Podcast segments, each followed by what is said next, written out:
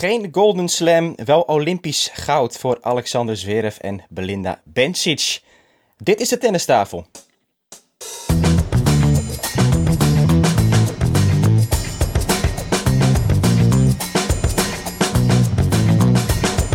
Please take your seats quickly, ladies and gentlemen. Thank you.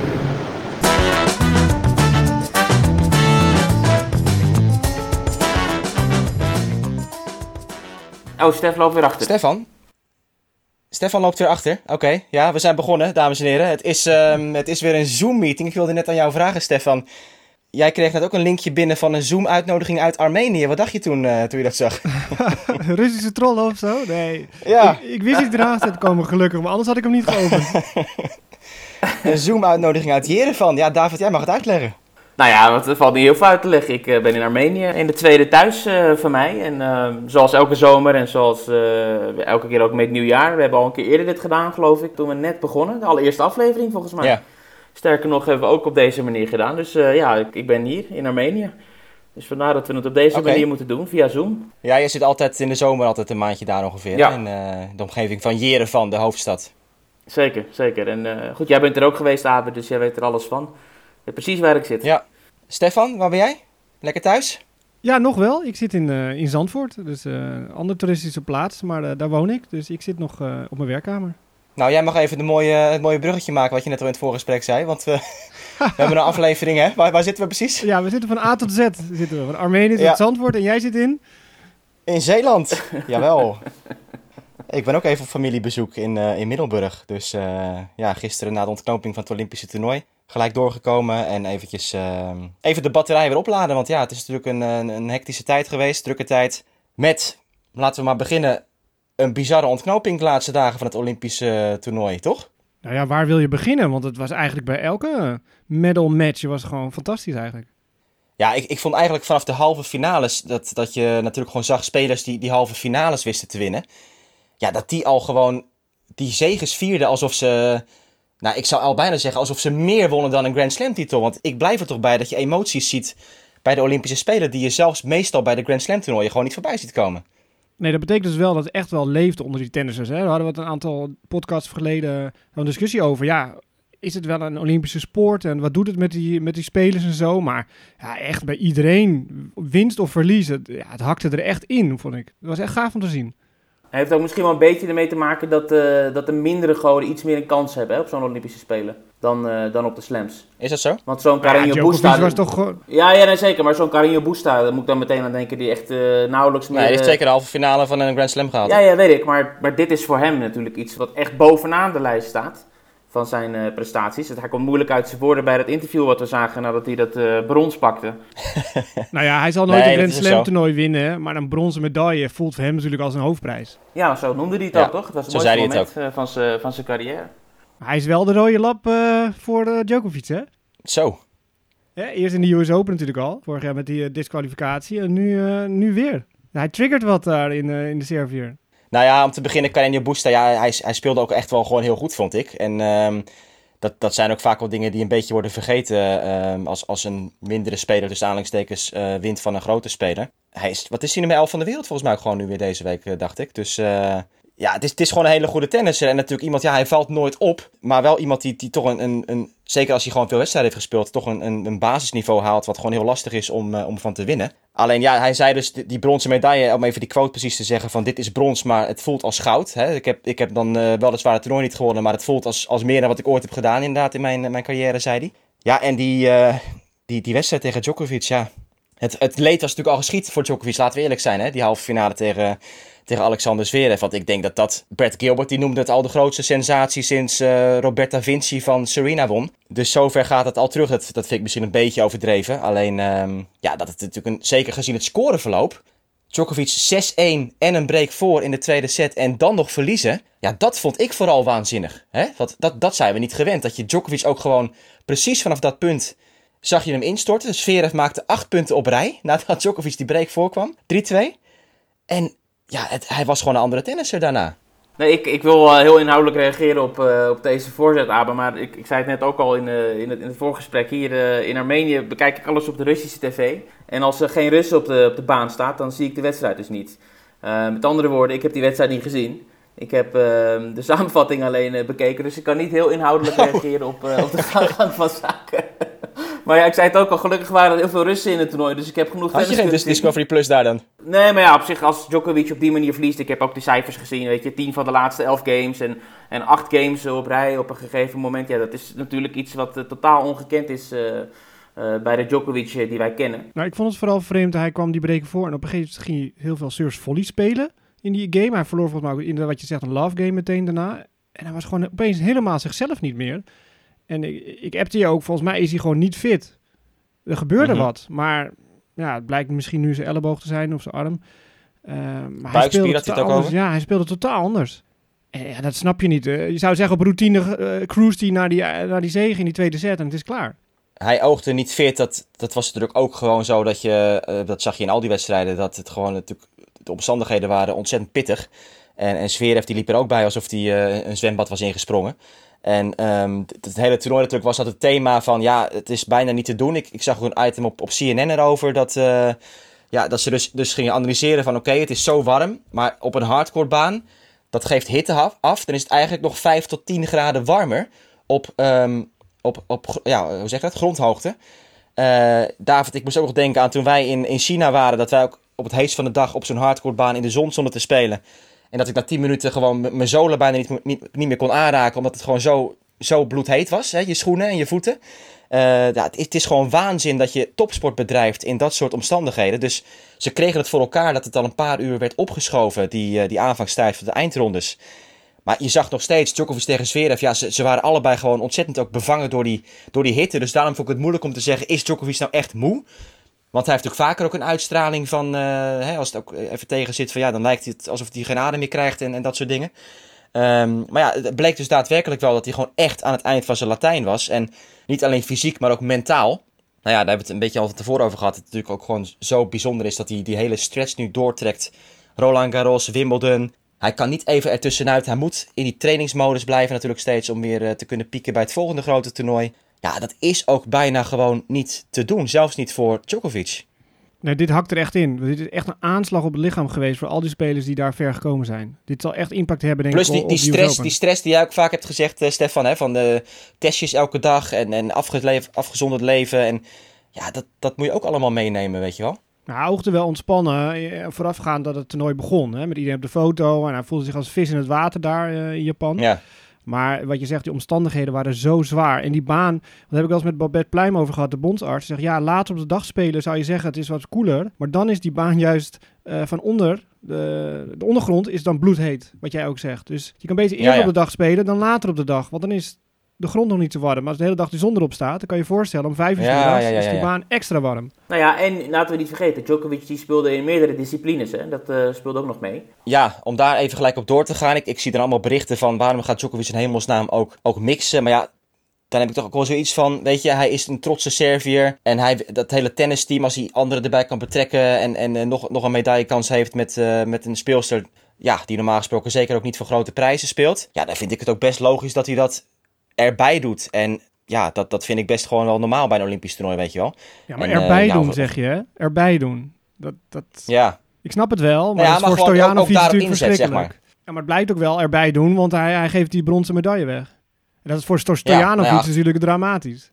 Achteraf is het, is het natuurlijk een één groot drama geworden, die Olympische Spelen voor Djokovic. Dit, dit, is, dit is het slechtste scenario eigenlijk wat hij kon hebben. Want hij heeft een soort maximaal aantal wedstrijden gespeeld zonder een medaille te winnen. Dus hij heeft zijn lichaam maximaal gepijnigd in die zin, zonder dat hij er iets tegenover heeft gehaald. Dus had hij beter niet kunnen meedoen als je dat achteraf natuurlijk weet. Nou ja, en hij zegt dus, eh, zoals je net al een beetje aangaf, ik heb meerdere blessures op dit moment. Ik ben eh, doodmoe. En we hadden het in de voorbeschouwing, zeiden we het al, weet je. Het is echt een dilemma voor hem. Gaat hij dat spelen voor de glorie, goud? En, hè, want eh, het is bijna niet te missen dat hij gaat winnen. Eh, allemaal leuk en aardig. Maar mocht het daar op een of andere manier misgaan, mocht hij daar een pijntje oplopen, mocht hij daar, eh, daarna de US Open op het spel zetten. En die Calendar Grand Slam, ja, dan, dan slaat hij zichzelf voor het hoofd. Dat weet ik zeker. Ja, maar ik, ik, vind, ik vind het echt een kul argument eigenlijk. Want het is gewoon, al die vijf prijzen, die zijn voor Djokovic even groot. En misschien is Olympisch goud nog wel groter nu dan in ieder geval een bepaald aantal Grand Slam toernooien dat er dit jaar wordt Nee, het gespeeld. gaat om de Calendar hij, zou... Ja, oké, maar dan moet je toch alles winnen? Het is tennis, hè? Calendar Slam. Waar hebben we het over? Dat is, dat is, de, dat is het ultieme. Een Calendar Slam winnen. Nou ja, Niet ik, ik eh, weet ik niet. Nou, dat ben ik niet met je eens. Nou, ben ik het wel met je eens. Want, want iedereen weet nog Rod Lever met zijn career Ja, Grand tuurlijk. Slam. En Murray Tuurlijk. twee keer goud. Dat wordt veel minder genoemd dan Rod Lever met zijn carrier... carrier God, het Engels van jullie. Carrier Grand Slam. Carrière Grand Slam. Ja. Maar Djokovic heeft al meegemaakt dat hij alle vier die Grand Slam toernooien op, op een rij eh, in handen heeft gehad. Hij heeft het al een keer meegemaakt. Nou ja, kom op. Kom op. Ik- Nou, Abe, Calendar Slam. Tuurlijk, dat is, dat is meer waard. Dat ben ik ook met je eens. Ja. Maar als hij nog nooit Olympisch goud heeft gewonnen, dan, dan denk je echt dat hij dat op gaat, eh, gaat offeren daarvoor? Nou, dat, dat vind ik echt... eh, Nee. Nou ja, ik weet, ik weet bijna zeker dat hij, liever, dat hij liever nog Olympisch goud erbij heeft en dan niet de Calendar Slam wint. Dan wel het Calendar Slam en dan nooit Olympisch goud. Dat, het is toch gewoon een nieuwe prijs? Het is in, ze- in, in principe is het is niet een nieuwe prijs die hij per se wint. Als je alle vier de slams in één jaar wint. Het is gewoon een soort eerding. Ja, maar hij speelt voor de ges- sportgeschiedenis. Voor de geschiedenisboeken. Ja, ja. En daar ga je wel in als je alle vier wint in één jaar. Maar ja, nu kan je wel denken dat hij nog zeker drie jaar doorgaat. Dat zei hij ook gelijk, hè? Maar wat vonden jullie van de, de kritiek dat hij dus die, die mixdubbel aan het eind ook liet schieten? Want daar werd hij ook weer flink op aangevallen. Nou ja, als je geblesseerd bent, kan je niet spelen. En als je speelt, moet je niet zeuren. Dat zei Stem Franker altijd. Mhm. Ja, ik, ik denk gewoon dat hij echt gewoon eh er genoeg van had op een gegeven moment. Of die ja, blessure of die wilde echt gewoon eh, weg uit het ellendige Tokio. Die had er genoeg Misschien had hij geen rackets meer over. ik zag een gaaf, eh, ik gaf een gaaf clipje voorbij komen dat hij in zo'n kogelstoot Ja, ja, ja, ja, ja. slinger eh, kooi stond en dat hij dat racket zo had. Dat is een mooi gefotoshopt. Ja, die was heel... Golden eh, gouden medaille, de Men's Racket Throw Championships. eh. Ja, maar Ja, voor de goede orde, hij gooide natuurlijk zijn racket eh, het stadion uit, hè? of die is de tribune op. Waar hij geen waarschuwing voor kreeg, begreep ik. Nou ja, dat was echt, echt, dat was echt bizar inderdaad. En je zag ook die Carreño Busta. Want even later dus spijt hij zijn racket op die netpaal eh doormidden. En Carreño Busta, dus, en toen was gelijk een changeover. Dus ze gingen staan voor de volgende game. Maar Carreño Busta die dacht van, nou het is dan 0-15 weet je. Dus een tweede overtreding. En dan is het een strafpunt. Alleen de umpire zei, nee er is niks aan de hand. Want de eerste keer kreeg hij geen waarschuwing voor dat wat hij deed. En je zag die Carreño Busta ook echt zo'n minuut om zich heen kijken van... Wat? Hè? En naar zijn team kijken van wat is in de hemelsnaam? Hoe, hoe kan hij daar geen waarschuwing voor hebben gehad? Voor die eerste, eerste actie. Ja, ja daar, daarom begon ik te zeggen dat hij een soort rode lap is voor, eh voor Djokovic, die, eh, die, die gekke Spanjaard. Nou, ik wil nog wel even nog één laatste opmerking over dat, dat calendar slam. Kijk, je weet het natuurlijk van tevoren ook niet, David. Kijk, stel hij, hij zou dat inderdaad belangrijker vinden dan Olympisch goud. Maar dan maakt hij nu de keuze van ik ga niet Olympische Spelen spelen. En hij wint de US Open. En dan is er altijd van ja, waarom heb ik in hemelsnaam ook niet de Olympische Spelen geprobeerd? Dat, die, gemis, die gemiste kans dan, hè, dat je dus bewust kies ik sla het over. Terwijl je het net zo goed allemaal had kunnen winnen dan. Dat, dat zal natuurlijk ook helemaal in zijn hoofd... eh, Vol- Volgens mij stevent het nu af op dat hij eh, 0 uit eh, 2 eh, gaat scoren. Want als hij er niet goed voor staat, Oh ja? als hij geblesseerd... Ja, ik, ik denk dat hij... eh, als, hij, als, hij, als het waar is, hè, wat hij zegt over die blessures en over dat soort dingen, dat hij zich niet goed voelt. En nou ja, ik denk dat het nu een stuk moeilijker is om eh de US Open te winnen dan het was geweest als hij daar niet aan meegedaan eh, aan de Olympische Spelen. ja, dat lijkt, dat lijkt me Ook wel, ja. in, ook in het achterhoofd dat hij dat al een tijd niet heeft, eh, tijd niet heeft gewonnen. En het is nou niet per se zijn meest succesvolle slam. Dat wordt ook weer heet en eh, vochtig, hè, in New York. Is ook altijd echt een slijtageslag. Ja, en dat is natuurlijk nu de, de aanpak dat je Nadal hebt gezien die echt bewust dus ehm, dat, dat heeft laten liggen nu, die, eh, die eh, Olympische Spelen. En echt volledig voor de US Open nu gaat. Hè? Echt een voorbereiding zoals hij eigenlijk nooit heeft gehad. Dat hij nu al heel vroeg begint in Amerika, in Washington. En dan de ideale aanloop beleeft naar New York. Dus Nadal die, die heeft echt die hele opbouw maximaal richting de US Open. En Djokovic moet nu gaan improviseren. Dus dat is ook wel een situatie natuurlijk. Die Nadal weer meer perspectief biedt in dat opzicht. Jij gelooft dus niet in, in die Nadal-opmerkingen dat hij, eh, dat hij door een blessure niet heeft mee kunnen doen aan die toernooien. Oh ja, tuurlijk wel. Zeker wel. Dat geloof ik ook wel. Maar het, is, eh, het pakt nu ook wel zo uit. Natuurlijk ideaal dat Nadal nu gewoon fris helemaal aan die, eh, aan die US Open kan beginnen.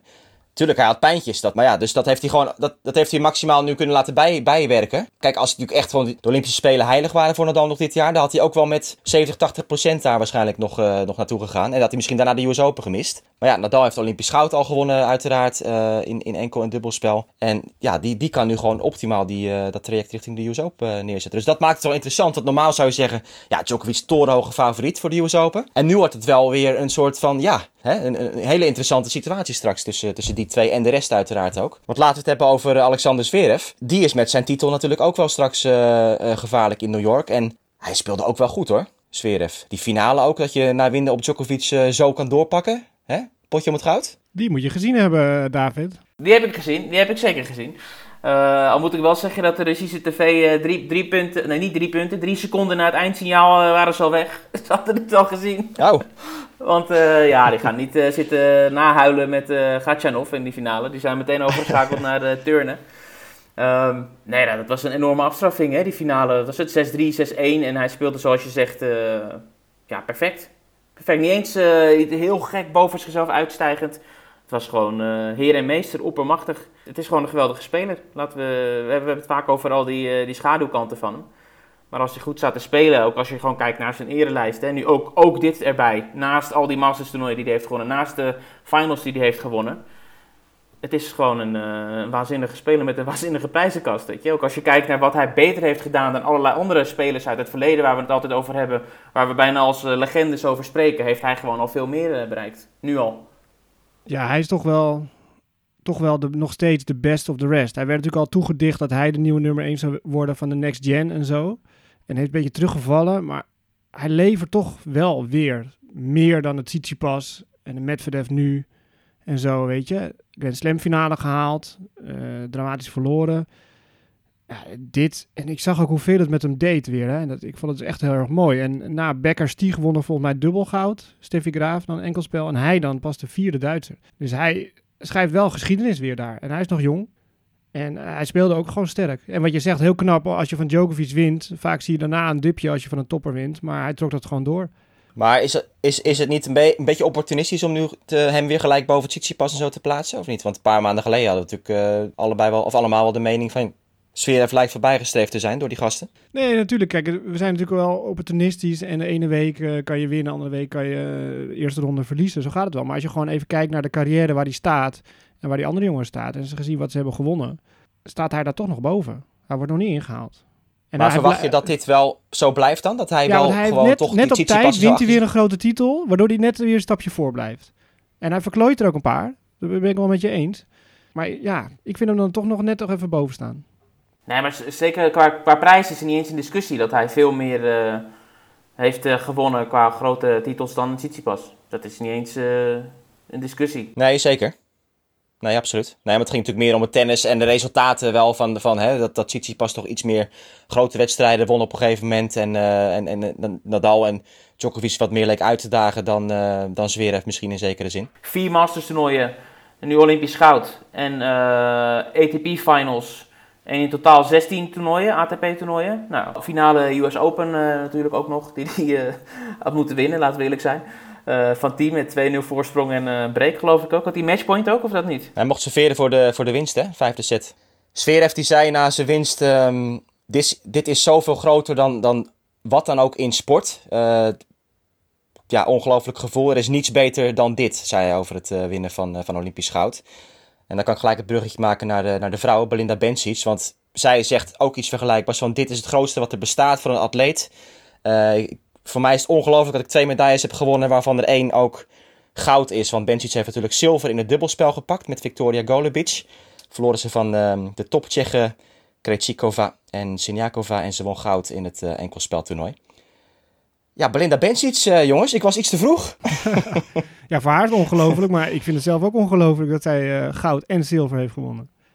Tja. Maar hoezo was jij zo overtuigd dat zij zo'n goede zomer zou draaien, Abe?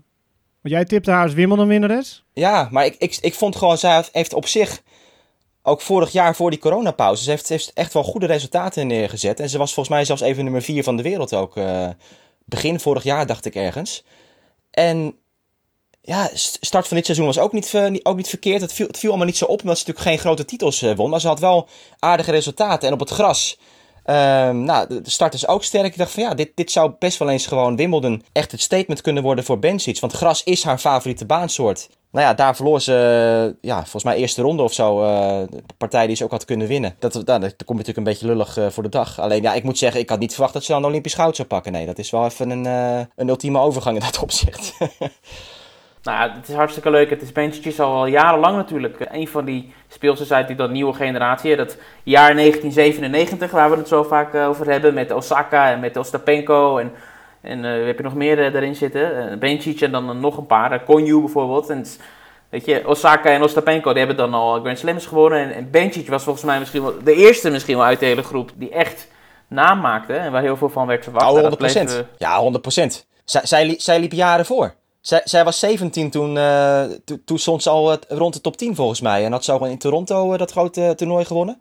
En, ehm, eh, of, of finale, ik ben, even, ja, ik ben even niet scherp nu. Maar in ieder geval, eh, toen was Benchic echt, echt het nieuwe supertalent in die Ja. tijd. Stefan blijft wijzelijk stil, merk ik. Nee, ik zat even te denken aan eh Von Drusova. Die had ik echt Ja. nooit, nooit in de finale verwacht. Ik heb natuurlijk die wedstrijd gezien Dat is nog wel een veel grotere verrassing dan dat Benchic het toernooi won, ja. Ja, ik vond het eh, ongekend. Ik bedoel, ik vond het echt niet goed spelen. Maar die heeft zich echt in het toernooi geknokt. Nou, die won dan ook van Osaka eh, nu dan. Ja, bijzonder knap.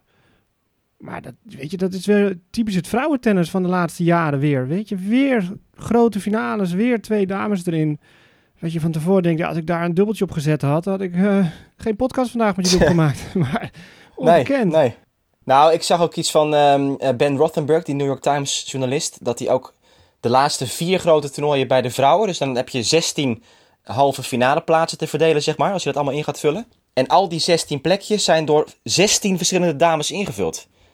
Ja, dat is natuurlijk ongelooflijk. Ja, dat, dat, dat, dat kan je, daar moet je even op je laten inwerken inderdaad. Dat is Ja.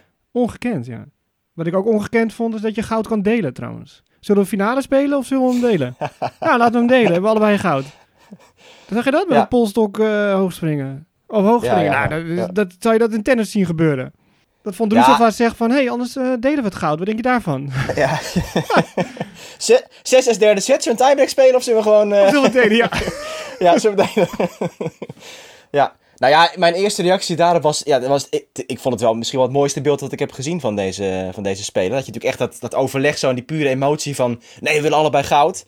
Maar toen ging ik er even over nadenken en denk van... Ja, dat kan natuurlijk eigenlijk helemaal Ja, niet. precies. Had ik ook het kan meest het- belachelijk wat ik heb gezien in sport. Ja,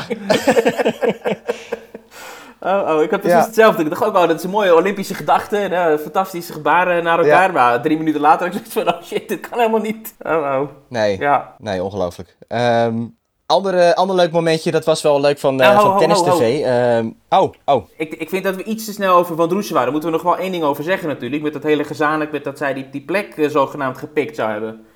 Weet je nog? Ja. Dat is ook nog wel, eh, Ja. wel bijzonder. Want zij was eigenlijk, kwam ze niet in aanmerking als het ware voor die plek. Maar zij maakte gebruik van haar protected ranking. Terwijl de andere Tsjechische speelsters waren die boven haar staan, nu op de wereldranglijst.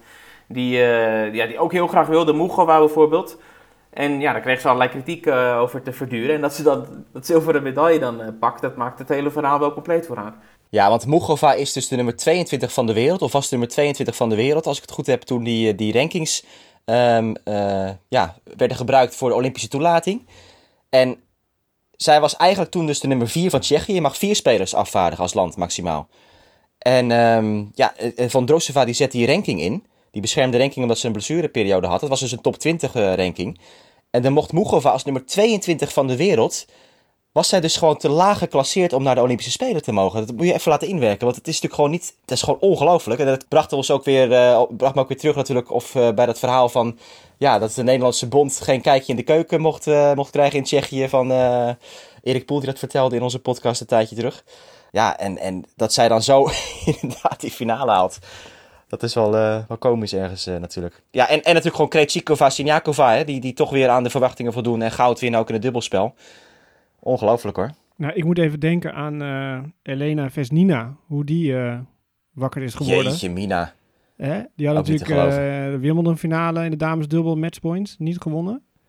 Ja, En nu hadden ze vier matchpoint, meen ik, of zo, om het brons in de damesdubbel. 9-6 voor. 9-5 de in de match Nee, tiebreak, ja. volgens mij. 9-5. Die verliezen ze dan van die Braziliaanse speelsters. Ongekend. En dan in die mixed dubbel heeft ze ook matchpoints voor goud. Of matchpoint. Verliezen ook. Op de verjaardag. Maar je kan het ook positief bekijken. Want zij, is, eh, zij is teruggekeerd. Eh, hoe lang was ze eruit? Een paar jaar was ze eruit. Ja, wel, Ja, En ze had gewoon al, al, die, ze had al die finales eh, gewoon in één keer in korte tijd. Ook wel eh, bijzonder. Dus dat was ook wel, eh, wel netjes van, eh van Vesnina. Ehm, ja, David, uitgesproken? Nou ja, ik weet niet of, of je helemaal door wil. Of dat, we, of dat we het Russische succes nog even erbij pakken. Gewoon over het algemeen in de tennis. Nou ja, de finale Russische finale, dat was, eh, was wel bijzonder. Ja, mix was een Russische finale. Gatjanov met, eh, met zilver. En ehm, Ik heb nog nooit zo sterk Olympisch comité gezien, denk ik, als dat van Rusland dit jaar, eh, Stefan. Jij wel? Nee, inderdaad. Ja. Zijn ze ook allemaal officials? ja. Maar ik zat toch te denken, hoe hebben, ze, hoe hebben ze dat dan gedaan met die loting? Want ik bedoel, in die eerdere ronde zag je bijna nooit landgenoten tegen elkaar. Want ook in de hele dubbelfinale had je totaal Kroatische finale pas. Ja. Dus ze hebben toch gemanipuleerd met die loting. Dat die landen niet al in de eerste ronde, tweede ronde, kwartfinale tegen elkaar kunnen. Want we hadden een? Russische mix, we hadden een eh, Kroatische dubbel. En volgens mij hebben bijna geen landgenoten eh, in de schema's, welk schema dan ook, tegen elkaar gespeeld. Nog niet, eh, nee, ik ook niet, nee. Die foto was trouwens wel grappig, hè, van eh Pavlyuchenkova, die dan aanlegde voor een smash. En dan stond Rublev stond erachter en die, die stond zo met zijn hand voor zijn mond van, oh ja, als dat maar goed gaat.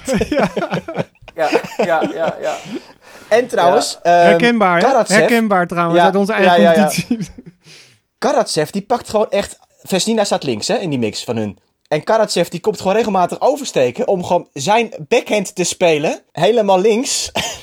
Waar normaal gesproken Vesnina dus met haar backhand zit. Nou ja, dat is toch ook niet te geloven, of... eh, Ach, laat die man, joh. Die man die had een jaar geleden speelde die nog eh, op de regionale club. Hij was ook heel blij om dat te zijn, volgens mij, Karatsev. Al die interviews na afloop en zo, was hij heel, eh, heel enthousiast. Jezus, Mina, wat een vent is dat, joh. Ja, maar die Vesninak ging er wel leuk mee om. Die kon, die kon dat wel handelen. Als iemand hem kon handelen, was, was zij het wel. Die bleef gewoon een beetje grapjes maken tegen hem, maar hij reageerde nergens op. Ja, Nee. dat vond ik- hij, ze bemoedigde hem echt een beetje ook af en toe. Hè? Een handdoekje pakken en dingetje. Ja, vond ik wel gaaf. Maar nog even één algemene eh, opmerking, denk ik, om af te ronden met tennis op de Olympische Spelen. Ik heb natuurlijk heel de week bij, eh, bij Eurosport ook gezeten. En ja, dit, dit was zo'n beetje het grootste project volgens mij ooit wat Eurosport heeft, eh, heeft, heeft gedaan. Dit Olympische toernooi en qua grootte met het studioprogramma en ja, allerlei commentatoren natuurlijk die, die door elkaar heen lopen. En dan heb je natuurlijk allemaal gesprekken ook een beetje met elkaar achter de schermen. En dan hoor je ook wel geluiden van ja, Ehm, mensen die dus allemaal dat beeld hebben van... ja, ik dacht dat tennis dus helemaal niet zoveel gaaf om de Olympische Spelen... en dat tennis een beetje een bijsport was. Maar iedereen was eigenlijk ehm, zo positief verrast door, ja, door al die emoties... en, en, en de, de strijd en ja, hoe mooi dat Olympische tennistoernooi toch eigenlijk was. Hè? En dat het echt wel gewoon een hele serieuze sport ook is op de Olympische Spelen. Dus ergens is dat toch een soort, een soort krom beeld. Ja, ik weet niet hoe dat beeld is ontstaan. Misschien omdat ze niet zulke... Niet, de toppers niet altijd wonnen en zo. Of, of niet meededen zelfs. En eh, er nu wel voor waren. En zo'n Djokovic, ja, is toch een aantrekkingskracht dat hij daar staat en alles voor wil geven. En dat de andere spelers dan mee aan de haal gaan, dat maakt het ook wel weer mooi. Maar dat hij er is, zo'n wereldster. Dat zegt veel. En ik denk dat het alleen maar goed is voor in de toekomst. Dat het dat nu blijft ook. Echt, echt een blijver is. Ja, maar ik vind het sowieso al raar. Want ik, ik, weet je, ik kijk ook heel mijn leven Olympische Spelen. Ik, ik heb nooit gedacht als ik naar het Olympisch tennis keek van... Nou, hier staat iemand die loopt een beetje een potje weg te tanken of zo. Of, of, of wat dan ook. Het, is, het, is, het is altijd echt wel gewoon... Hè? Nee, je speelt voor je land, dus dat wegdenken dat zit er sowieso niet in. Want je speelt voor, wat al die spelers ook steeds zeggen, je speelt voor veel, veel meer dan jezelf. Want je gaat Ja. natuurlijk ongelooflijk, eh, sta je voor lul voor het hele land eh, als, je, als je daar een beetje gaat staan tanken. Dus dat kan je niet maken. Ehm, en het interessante Ja. sowieso ook is eh, voor fans en voor volgers die, eh, die wel sport in het algemeen volgen, maar tennis niet echt, hè? die weten er een beetje van. Is het winnen van een Olympisch goud voor de buitenwereld, niet voor de tennisinsiders en voor de tennisvolgers, is Olympisch goud natuurlijk veel meer waard dan, eh, weet ik veel, Roland Garros of zoiets. Ik, ja, ik denk, het gewoon, ik denk dat het binnen- en buiten tennis gewoon... eh, ehm, gewoon het, is, het is gewoon heel moeilijk te plaatsen. Het is gewoon een gekke gedachtenkronkel of zo, weet je wel. Want als je natuurlijk gewoon zegt van in zijn algemeenheid... Wat is nou de grootste sportprijs die je kan winnen? Ja, dan, dan is het in principe Olympisch goud. En ehm, aan de andere kant inderdaad, als je, als je dan in gaat zoomen op sporten, weet je, voetbal, ja, ja, dan wil je de wereldbeker omhoog houden, weet je wel, of, eh, of, of de Champions League trofee. Dus het is, ja, er zit altijd een soort, soort, eh, soort gekke wisselwerking in, dat, eh, in, in die verhoudingen, denk ik. En nou goed, er zijn ook spelers, kijk wat, wat en Zverev ook zeggen, die zeggen in principe allebei, ja, dit is gewoon het, het grootste wat je kan winnen, punt. Ehm, dat is makkelijk om te roepen als je zelf wint. Maar ik weet ook een, eh een, een, nou, die, die, die, die was ook in 2008 in Beijing. Ja, dat was, dat was echt haar levensdoel. En die heeft heel 2008 heeft ze haar kalender ook gepland van Beijing moet ik pieken. Eh, daar wil ik gewoon een medaille winnen, daar wil ik goud winnen. En, en, en die vond slams gewoon minder belangrijk. Dat heeft ze heel het jaar door geroepen. En zo, zo zijn er gewoon andere mensen. Agassi ook, weet je, die, die zegt ook volgens mij het, het winnen van goud. Dat is het hoogtepunt van mijn carrière geweest. Het mooiste moment was dat ik daar in Atlanta die gouden plak eh, had. Ja, vond hij ook belangrijker dan, dan, win, dan het winnen van, eh, van alle vier de Grand Slams eh, uiteindelijk in zijn carrière. En, en het, is, het is ook deels persoonlijk, denk ik, hoe mensen erin staan. Alleen het is wel zo, als je natuurlijk als tennisser, ik, ik ga tennissen en ik, ik, ik sta te trainen als 12-jarige op de tennisclub. Dan zou je eerder jezelf inbeelden dat je op het centercourt van Wimbledon staat, of Roland Garros natuurlijk, dan Ja, maar Ik sta in de Olympische finale, dus kijk, ik denk dat wij misschien in Nederland 100 gouden Olympische kampioenen hebben, maar we hebben maar één Wimbledon kampioen. ja, En ik denk-. Dat eh, die windsurfer, die heeft een gouden medaille. En stel je voor, Krajicek zou een gouden medaille winnen, dan is hij net zo goed als die windsurfer in Nederland op dat podium. Nou, no way. Krajicek is in een wereldsport zoveel beter. Dus die Wimbledon-titel is daar zoveel meer gewicht dan een gouden plak op skateboarden of op, eh op dameshockey of op windsurfen. Dus ik vind Ja, Krajicek een veel grotere sportman. Alle respect voor Ja. die sporten en ze doen er ook heel veel voor. Maar op het wereldpodium, wat Krajicek heeft bereikt, staat voor mij echt ver uit Ja. daarboven. Nou, ik vroeg, ook, ik vroeg ook een beetje achter de schermen bij Eurosport van, hè, want wij hebben natuurlijk heel erg dat beeld van Djokovic steeds gezien, van dat hij, dat hij overal werd omarmd door atleten. Dus ik vroeg ook gewoon van, ja, hoe kijken jullie daar nou tegenaan? Hè? Is, is Djokovic nou voor jullie de grootste ster die op de Olympische Spelen rondloopt? Of wie is de grootste ster die op de Olympische Spelen rondloopt? Ja, dan zag je toch wel even, de- de- iedereen toch wel nadenken van, ja, ja, niemand kon eigenlijk iemand noemen die groter is dan Djokovic, die daar rondliep. Dus dat, is, dat vond ik ook wel weer interessant. Over de Olympische Spelen wordt in de tenniswereld alleen maar gesproken in het Olympische jaar. Als jij volgend jaar, je kan alle transcripts van het hele jaar erbij pakken van alle spelers, alle interviews, nul keer valt de Olympische Spelen. Dat is echt iets gewoon, ik wil niet zeggen dat het een, eh, weet je, een soort seizoensdingetje is, maar in zekere zin is het ook wel zo. Laat wil ik zijn over twee jaar, als, als er aan de speler op een Grand Slam gevraagd wordt naar zijn of haar prestaties, naar weet ik veel, wat je wil bereiken en dat soort zaken. Het gaat altijd over tennistoernooien, tennisprijzen. En oké, als het Olympisch jaar is, dan valt de Olympische Spelen af en toe. En in- echt in de aanloop. Maar daarna is het ook weer eh, heel snel weer weg. Ja, want als je kijkt naar geweldige wedstrijden, die Del Potro tegen Murray match, was dat Rio, wordt bijna nooit ergens genoemd of zo, terwijl het een geweldige slijtageslag was. Ja, nou ja, dat is dan ook de vloek natuurlijk van de tenniskalender tegelijkertijd. Dat het inderdaad, ja, het is logisch met, met voetbal ook, of wat dan ook, sporten die echt een volle jaarkalender hebben. Ja, dan ga je natuurlijk logischerwijs ook gewoon daarover praten. Je gaat niet, wat je zegt David, het is ook wel logisch dat je niet, eh, als de Australian Open volgend jaar gespeeld wordt, dat het over de Olympische Spelen gaat. Want dat is drie jaar verder. Terwijl een, eh, een skateboarder, ja, die heeft niet een, een eh, tenminste voor zover ik weet, grote WK's of wat dan ook. Die, die trainen vier jaar voor dat moment in principe. En je zal ook wel een WK handboogschieten hebben. Maar het gaat erom dat je drie jaar later, dan moet je er staan. Want dan kijkt de wereld eh, naar dat, het handboogschieten. Goed, laten we het hierbij houden, denk ik. Want we hebben volgens mij nu mooie argumenten erin gebracht. Ehm, Tennis TV, dat Twitter-account, die hebben altijd wel leuke, leuke clipjes ook. eh, en had ik ook een, eh, had ook een item over de Olympische Spelen. En ik vond het wel leuk om het even op te pakken ook. Want ze hadden dus tennissers gevraagd overal van... Stel nou, je moet een estafette team maken van tennissers die de 100 meter moeten lopen. Dus 4 keer 100 meter estafette. Welke vier tennissers zouden dan in jouw team zitten?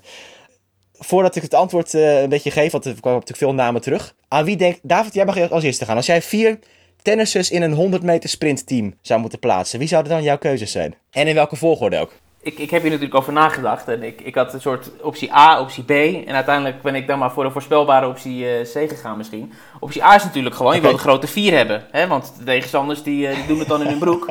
als ze die vier zien staan. Dus dat is een soort mentaal spelletje ook. Oké, dat doen we dan niet. Optie B is om gewoon vier Italianen te kiezen, want die eh, winnen tegenwoordig alles. Dus eh, dat was ook nog een optie geweest. En eh, nou ja, uiteindelijk ben ik dan toch gegaan en het is misschien een, een beetje voorspelbaar. Ik, ik, ik weet zeker dat jullie ook eh, deze namen, dan zeker wel een aantal daarvan hebben. Ik heb gekozen voor Tsitsipas, Djokovic, Team en Monfils. Oké, Stefan? Ik heb gekozen voor eh Isner, Karlovic, Opelka, Query. Die hebben heel Grote grote, stappen. Ja, ja. Oh, oh. Nou ja, ik heb eh, de, de man die ik als eerste papiertje invulde, die heb ik bij jullie niet gehoord. Ja, maar jij hebt vier keer de Minar, dat wisten we allemaal, dus dat is allemaal voor, voorspelbaar. ja. Ja, maar even serieus, eh, David, hoe kan je nou Ja. ergens de Minar niet hebben? ja, want jij die al hebt en dan gaan we alle drie dezelfde namen noemen, dat is ook niet leuk. Oh, oh, oké, dat was het, ja. Nee, de Minar die, eh, die begint bij mij, die wordt afgelost door Dimitrov. Dan, eh, dan komt Team als derde en die is voor de eindsprint. Ja, ik had Milvies ook echt hoog op mijn lijstje. Maar ik heb TFO erbij. TFO eh, vind ik ook Oh ja. echt een sprinterslichaam. Berensterk. Die Minar die houdt het niet vol, joh, 100 meter. Die is 60 meter. is dat op? Ja, Tsitsipas is ook wel snel, hè? Dat is ook wel aan te denken, ja. Die is ook wel iemand met, met een goed... eh, Maar vroeger, trouwens, Murray, hè? Ivan Lendl zei dat Murray over de eerste... Ja, moet ik het goed zeggen? 30, 40, 50 meter zal te veel zijn. Maar in ieder geval, de, de eerste start is Murray schijnt sneller te zijn dan Usain Bolt. Op een tennisbaan. Dat is geen goede starter. Dat is op Ja, zich... eh, ja, die- nee, dat is ja. waar. Dat is, eh, maar, toch, maar toch, als je dat zo leest, dan denk je van, eh, hè, weet je? Oké, dat is wel een opvallend, opvallend feitje. Maar ja, hij is natuurlijk nu tegenwoordig met die, met die kunstheup... eh, zal hij iets aan snelheid hebben ingeboet eh, mogen aannemen. Maar Hey, hey, David, jij noemde het team. Jij jij kwam nog tegen van de week. Jij kwam hem tegen bij de McDonald's. Ik kan het niet tegen bij de McDonald's. Ja, het is niet te geloven. Werkelijk. Ik vloog van Amsterdam via Wenen dan naar Armenië. En ik loop in Wenen loop ik de dingen uit, de, de douane langs. En dan gaan die, eh, die schuifdeuren gaan open. En werkelijk waar, de eerste persoon die ik zie staan in Oostenrijk op het vliegveld is Dominic Thiem. Die daar leunend tegen de McDonald's eh, koffie zit te drinken. Het is niet te geloven. Ik dacht, het is, eh, het is een grap of zoiets. Met, met zijn pols in, eh, in, het, eh, ja, in dat dingetje wat hij heeft nu tegenwoordig, omdat hij geblesseerd is. Maar wacht even, wacht even. Ik, wacht even. Ik maakte me zorgen over de blessures van Dominic Thiem. Maar dat hij koffie haalt bij de McDonald's, dat vind ik misschien nog wel iets zorgwekkender. eh Stefan? Ach, Zolang hij daar niet met de gitaar zit en een pet, Jongens. vind ik prima. Trouwens, eh, ik heb ook nog vier dames opgeschreven. Ik weet niet hoe het met jullie zit. We zijn eh inclusief eh podcast, toch? Ja. Ja, die sprint ook, de vrouwen. Ik heb eh Halep, Sakari, Kerber en Goff. Oké. Ja, Sakari mag niet ontbreken. Hè? Jij hebt wel de, de Griekse link heb je in de Spelen meegebracht. Dat vind ik wel mooi. Tsitsipas bij de mannen Ja, en, de- eh ja, ja. en Sakari bij de vrouwen. Stefan, ben je ook zo inclusief geweest of niet? Ja. Nou, Sakari zou ik bij het kogelstoten zetten, niet bij de sprint. Ehm, Nee, nee, maar Sakari die heeft, eh, die heeft in die pandemie trouwens eh, heeft ze veel aan eh, sprinten gedaan. Hè? In, haar, in haar is gezegd dat als zij mee had gedaan aan de Griekse nationale kampioenschappen, dan had ze het podium gepakt misschien wel. Nee, dat is waar. nou, Ja, een goed team denk ik. eh. Ja, ik ben wel met je eens. Nou, ik zet gewoon Aranska Rus erin, jongens. Goeie startsnelheid, toch? Of niet? Ik ga, daar gaat hij. Ja, ja. Natuurlijk. Sabalenka, Kostjuk, Goff en Erani. Oh. Erani Oh. zorgt voor de, de pasta. Ja. Goed lijstje. Oh, oh. Ja, dan moet ik ook natuurlijk nog. Nou, ik, eh, ik, ik, eh, ik vertrouw op jouw, eh, jouw keuze hierin, eh, David. Ik eh, durf daar niet aan te tornen. Dus dan, eh, dan laten we het zo staan. De tennistafel estafette teams, ze zijn rond. Hoppa. Gaan we door met eh, wat er nog meer is gebeurd, want er is nogal wat gebeurd. Ik heb nog wel moeten lachen ook om ehm, een interactie op social media tussen Casper Ruud en eh, Nick Kyrgios. Ehm, ja, voor wie het niet weet, die, dat zijn niet de beste vrienden per se. Eh Kyrgios heeft ook een keer een stoel op een baan gesmeten toen hij tegen Ruud stond te spelen in Rome. Dat was meer trouwens omdat hij zelf ehm, ontevreden was over zijn eigen tennis dan eh, over Casper Ruud per se. Maar ehm, toen Ruud die wedstrijd helemaal ging vieren, eh, de, de disqualificatie van Kyrgios... Sindsdien heeft Kyrgios met een beetje een gekke blik naar de Casper Ruud eh, gekeken. En ze hadden weer een, ehm, een kleine confrontatie, want ja... Terwijl de Olympische Spelen gaande waren, werd er flink doorgetennist op gravel de afgelopen weken in Europa. En Casper Ruud heeft nu dus gewoon drie toernooien op rij gepakt op het Europese gravel. Ehm nou, Kyrgios die haalde weer uit van jongens, eh, we moeten hiermee kappen met dat gravel tennis. Allemaal gratis punten eh, voor de spelers en eh, opgeblazen rankings krijg je daardoor. En toen was er een, terwijl Kyrgios in, in Washington arriveerde, werd er een oproep gedaan van, hebben jullie vragen voor Kyrgios? Stel ze even. En toen had Casper Ruud gereageerd. die zegt, ja, Nick, wat is je favoriete gravel toernooi? dat vond ik toch wel, sterker, moet ik zeggen. En wat was het antwoord? Maar ja, David. Ja, nee, maar het antwoord van Kyrgios eh, hè, was een kort antwoord en dat duurde ook heel kort, want het werd heel snel weer verwijderd eh, van, eh, van social media. Want hij reageerde met eh, je, je moeder. ja, Nou ja, het is natuurlijk bijzonder knap. Ik bedoel, los van of het een heel sterk deelne- deelnemersveld is. Want volgens mij had hij maar twee top 100 eh, spelers tegengekomen. Waarvan eentje Bueno Per is. Bueno Per. Ja. Benoit Per. Benoit. Benoit Per. Ik werd er flink om uitgelachen trouwens om die uitspraak van vorige week. Bueno Per. Maar goed, hij is niet meer zo bueno. hij is Benoit. Benoit Per. Nee, Nee, maar goed, 15 Je, loopt- je, loopt- vast volgens mij, Stefan. Je, volgens mij loop je een beetje Blijf vast. herhalen, hè? De zoomverbinding die je Ja, merk het of niet? Of, eh, Nee, maar het blijft bijzonder knap om 15 wedstrijden op rij te winnen. Hè? Op welk niveau het ook is. Dus eh, nee, 100%. een beetje flauw gezegd. Ik bedoel, en fysiek en mentaal moet je daar gewoon... eh, is gewoon heel sterk van Casper Ruud. Ja, het is niet de meest sprankelende, spectaculaire tennisser, maar eh, een geweldige gravelspeler. Even, eh, even doorgaand over Kyrgios, want die gaat dus weer tennissen deze week in, in Washington. En ja, die heeft toch wel wat bijzondere dingen daar ook gezegd. Want het ging over ehm, dat hij dus weer, weer tennis nu en, en eh, hij, over het belang van zijn karakter toch op de Tour, weet je wel, voor de tennissport. En hij zei erover van ja, ik, ik heb volgens mij vijf toernooien gespeeld in twee jaar tijd. Maar als je kijkt naar de social media op tennis, dan wordt er om de paar weken over mij gesproken. Dus dan heb ik zoiets van, nou ja, jullie vinden het niet erg als ik, uh, als ik bij de toernooien ben. Dus als ik zogenaamd zo slecht voor de sport zou zijn, hè, dat imago wat hij natuurlijk vaak, uh, vaak ook heeft. Waarom word ik dan zo gepromoot? Waarom is er zoveel hype rondom mij? Diep van binnen weet ik dat ik geweldig ben voor de sport. Uh, de sport heeft persoonlijkheden als, als dit nodig. Spreek het dus over zichzelf. Hij zegt ook dat hij het ongelooflijk vindt hoeveel haat hij heeft gekregen toen hij opkwam in het verleden. Uh, racisme heeft hij het over gesproken. Zoveel bullshit dat hij heeft gekregen van de tour, van fans, van iedereen. Um, zei, ik ben ook in ja, dieptes terechtgekomen, zoals een Naomi Osaka, waar zij het over heeft met mentale problemen. Waar ik in mijn mening volgens mij nog uh, twintig keer zo, zo'n, uh, ja, zo, zo diep heb gezeten als zij. Zij krijgt ook alleen maar goede pers. Zij krijgt weinig haatberichten. Um, zij krijgt geen um, belachelijke boetes voor ja, ballen die uit het stadion worden geslagen of wat dan ook. Nou ja, dat doet ze ook überhaupt volgens mij niet, maar dat terzijde. Maar hij heeft dus over dat hij allerlei dingen uh, op zich heeft uh, gekregen die anderen niet hebben ervaren. En ja, een beetje een, plaatst zichzelf misschien wel een beetje erg in de, hoe zeg je dat, slachtofferrol. Maar ja, wat, wat vind je daarvan, van dat soort uh, uitspraken van Kyrgios? Het eerste gedeelte heeft hij zeker een punt. Hij is enorm belangrijk voor de ATP-tour. Hij is natuurlijk een character en een bad boy. Die heb je gewoon nodig als tegenhanger. En hij heeft ook gelijk. Als je op social media ziet, heel veel, hij is weer actief. Heel veel clipjes, bijna elke week. Highlights, dingen, gekke ballen. Ook, gedra ook wangedrag, ben ik met je eens. Maar als je Djokovic kijkt, die heeft ook wangedrag. Uh, met zijn record die het stadion uitgooit en uh, het stuk slaat op de netpaal, et cetera. Wordt gedisqualificeerd op US Open. Uh, dus hij heeft zeker een punt dat hij toch goed is voor tennis voor het brede publiek en vooral de youngsters aan te spreken. Hè? Want uh, volgens mij vergrijst het allemaal, ook de televisiekijker.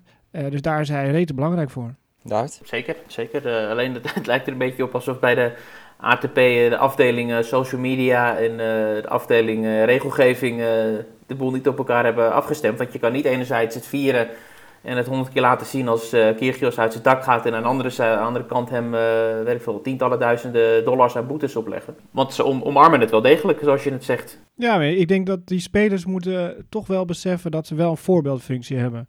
Ik was uh, van de week bij de NJK, de Nationale Juniorenkampioenschappen in Hilversum. En dan tot 12 en tot 14 jaar. Ik vind het geweldig om te zien, die, die, die kleine meisjes en jongetjes van 12 die echt al echt karaktertjes zijn op de baan. Maar ik zag al een kloontje van Demonic Team met zijn enkelhandige backhand en zijn voorhand wat hij nadoet. Ik zag een klein meisje nou, aan het kreunen als een Azarenka. Ja, ik dacht dat we dat uh, niet meer zouden toelaten. Maar goed, dus ze doen wel nog steeds na. Hè? Dan moeten die spelers ook wel beseffen, denk ik toch wel.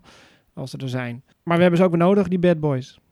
Ja, Kyrgios is nu 26 en hij heeft ook wel een beetje laten doorschemeren dat mogelijk ja, zijn carrière niet al te lang meer gaat duren. Hij zegt ook, uh, elke keer als ik nu bij een toernooi ben, heb ik het gevoel dat het wel eens de laatste keer kan zijn dat ik daar ben. Dat gevoel had ik in Atlanta, uh, Washington. Ik weet gewoon niet precies op welk punt ik nu zit. Ik voel me een beetje ja, gek over mijn carrière op dit moment. Ik voel me ook gek over zijn uh, carrière. Want je blijft altijd toch hangen met wat, wat hij allemaal in huis heeft. Uh, en elke keer uh, is, is, het weer, uh, is hij er niet, of dan heeft hij weer zo'n rare wedstrijd of zo'n tankpartij. En dan, dan verslaat hij weer een van de beste spelers ter wereld. Dus ja, weet je, we kunnen er iets van vinden. We kunnen dingen gaan, verwachtingen uit gaan spreken, of hoop uitspreken, maar het, is allemaal zinloos. Ik zou het zonde vinden, dat kan ik ervan zeggen als hij binnenkort ermee stopt.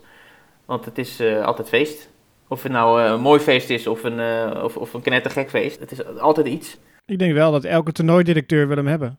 Misschien uh, ABN dan niet meer, want die hebben hem een paar keer geprobeerd. En dan zegt hij op het laatst met af. Of hij ging basketbal in Amerika, wat hij belangrijker vond. Uh, maar ik denk elk toernooi, toernooi wil hem hebben. Want je hebt gewoon exposure. Ja, over, over uh, exposure en hype gesproken. Nadal die is dus nu in Washington voor het eerst. En ik zag op, op social media dat er dus echt graphics werden gecreëerd met promoties van zaterdag die en die uren training Nadal, zondag die en die uren training Nadal open voor de fans. Nou, dat, eh, ik heb dat nog, nooit meegemaakt. Een toernooi gewoon de trainingstijden uh, gaat publiceren van een speler dagen van tevoren. Van kom dan en dan naar Nadal kijken, weet je wel. Dat is... En ik moest ook gelijk denken van ja, als je nu even een paar jaar verder kijkt van wanneer gaan we dit weer zien? Weet je, welke speler krijgt dit, krijgt dit ook weer eens voor elkaar ooit in de toekomst? Dit is toch ongekend? En dan trek ik het even breder. Nadal, kijk, Federer zou het ook uh, voor elkaar kunnen krijgen als, als Federer in Washington was geweest. Of Djokovic misschien ook wel. Maar ja, wat, wat, wat denken jullie, weet je? Als, je? als je dit dan zo ziet van, als, die gasten vallen nu weg en dan is het toch niet ondenkbaar bijna dat, dat, dat zoiets uh, zo wordt gepusht. Iemand die zo'n star power heeft om dit te kunnen, hè, dat mensen, dat, dat, dat het toernooi dus verwacht van als we die trainingstijden publiceren, dan komt, wordt het stadion vol, want die komen alleen al kijken dat uh, Pietje komt trainen. ja, daar gaat wel weer een paar jaar overheen. Want dat moet zich weer helemaal opbouwen natuurlijk. Dat, eh, die stardom en, en, en de rivaliteit en zo aan die top. Maar dan Tsitsipas, ja, die heeft het zeker in zich. Ik bedoel, heel veel... Ja, denk je mijn moeder kent Tsitsipas wel. Gewoon om wie die is en hoe die zijn uitstraling is en zo. Die onthoud je wel. En die wil je misschien zien. Mhm. En Osaka heeft dat, heeft dat ook, denk ik, in Amerika zeker. Met Nadal en Federer en zo en Djokovic, daar zit natuurlijk zo'n... zo'n ja, zo- zoveel prijzen zitten daaraan vast ook. En het is niet alleen maar eh, hè, een leuke verschijning. Want de mensen die gaan erheen, omdat het de, de grote legende is, die eh, honderd keer Roland Garros heeft gewonnen.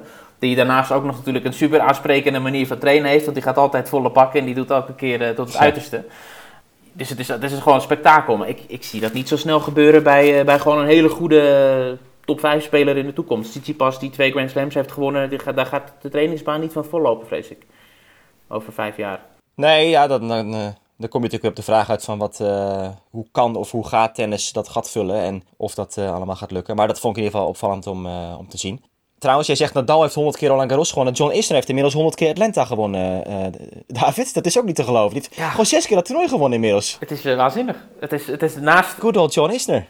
Ja, het is naast de, de prestaties van, van die grote drie, die, die altijd zo vaak een bepaald toernooi hebben gewonnen, is, is Ja. eigenlijk is de enige andere die eigenlijk er is, hè, die zo vaak één toernooi heeft gewonnen, Ja. is er. Dus geen ander voorbeeld te noemen, Ja. denk ik. Nee, het is... eh, Ja, bizar. Stefan Aranska Rus heeft ook goed gespeeld.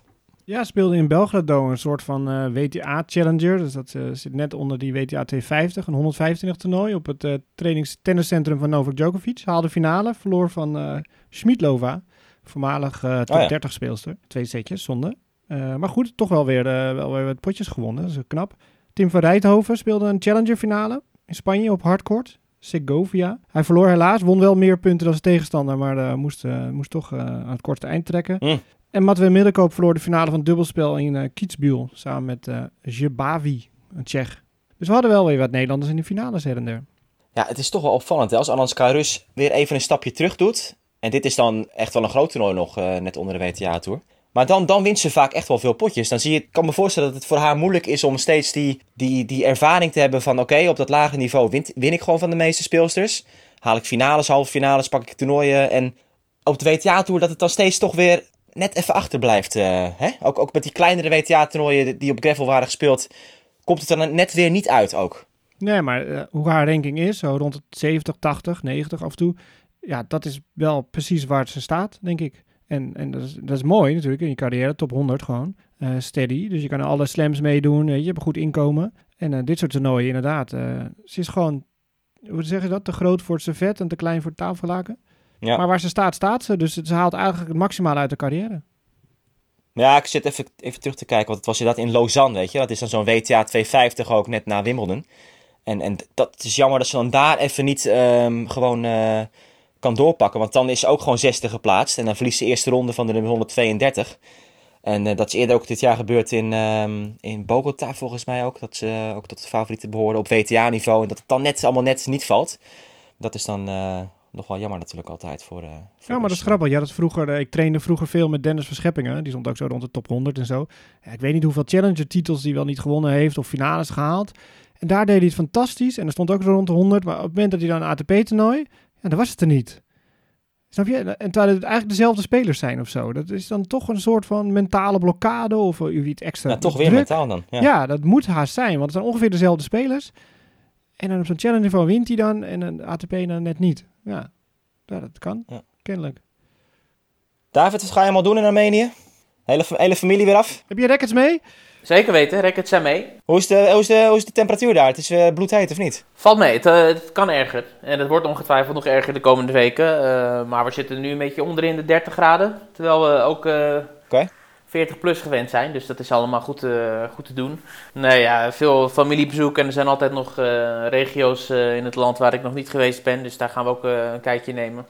Het is, het is niet helemaal rustig nog hier eh, met de oorlogsperikelen en eh, vervelende buurlanden. Maar eh, het is allemaal nog redelijk te doen. Ja. Het is de eerste week eh, zonder Kiki op de ranking trouwens. Dus ik weet niet of ze op de ranking blijft staan, maar de eerste week zonder Kiki eh, als professional. Weet jullie dat? Blijft Ja. ze op de ranking staan of eh, wordt ze eraf gehaald? Toen net als met Henin, weet je, die was twee of zo, hoppatee, meteen eraf. Moet je zelf aangeven, geloof ik. ja, het ligt eraan. Ik zal eens even kijken, want de nieuwe ranking is natuurlijk uit. Nee, ze staat nog op plaats 24. Mocht ze een soort schrikreactie krijgen nu thuis, mocht ze denken, wat heb ik nou weer gedaan, dan kan ze gewoon nog aan de US Open meedoen. Want uh, ze nou, de toch, inschrijving is geweest. Heel veel van die reacties die binnenkwamen van andere spelers uh, op social media over het afscheid en hoe, uh, hoe ze gemist zal worden. Dus dat is nog wel mooi, mooi om te zien, hoe geliefd ze is. Absoluut. Ja, nou ja, goed, er wordt gewoon weer doorgetennist. ik mag vanaf morgen ook weer beginnen met het WTA-toernooi van Kloei in Roemenië. En oh, dan zitten we aan de buis gekluisterd, Abe. Ja, dat uh, wordt weer een kijkcijferrecord voor, uh, voor ESPN. Uh, iedereen zit er weer met smart op te wachten. Dus uh, Aranska Rus speelde trouwens ook. Dus wie weet dat ze daar misschien een mooi, mooi resultaat kan halen. En dan over een week dan beginnen alweer de, de Masters toernooien. Montreal, Toronto, Canada in één week. En dan Cincinnati en dan staat de US Open alweer voor de deur. Het is ongelooflijk tenniszomer allemaal. Mooie tijden. We blijven zoomen de komende periode. David, uh, veel plezier. Fijne vakantie. Dankjewel. Veel plezier met de familie. Stefan, jij bent nog aan het padellen of niet? Of uh, vorige week toernooitje gehad, toch? ja, inderdaad. Ja. Finale verloren helaas. Van het eerste geplaatste. Finale gehad? Oh. Ja, finale gehad. Van een, ja, dus dat was eigenlijk wel goed. Maar mooi gespeeld, leuk, was leuk. En ik ga ook binnenkort op vakantie, dus dit was mijn ja. toernooiseizoen zit erop. Maar jij, jij gaat aan de bak, geloof ik, deze week. Ja, ik mag deze week, ja. Ja, dat is de Unicum Open, dames en heren, in Leiden. Het wordt het uh, sterkst bezette padeltoernooi van, van het jaar, als ik het goed begrijp. Omdat jij meedoet. Dus wie nog, uh, ondanks dat ik meedoe. Dus uh, ja, ik doe natuurlijk niet in de hoofdcategorie mee. Alleen, ehm, ja, mensen die nog nooit van, iets van padel hebben gezien, kom zeker even langs deze week in Leiden, zou ik zeggen. Heel veel leuke potjes te zien daar met de Nederlandse top. En ik ga ook mijn best doen op een wat bescheidener niveau. En dan gaan we volgende week natuurlijk weer een nieuwe aflevering opnemen van de tennistafel. Bedankt voor het luisteren en tot de volgende weer.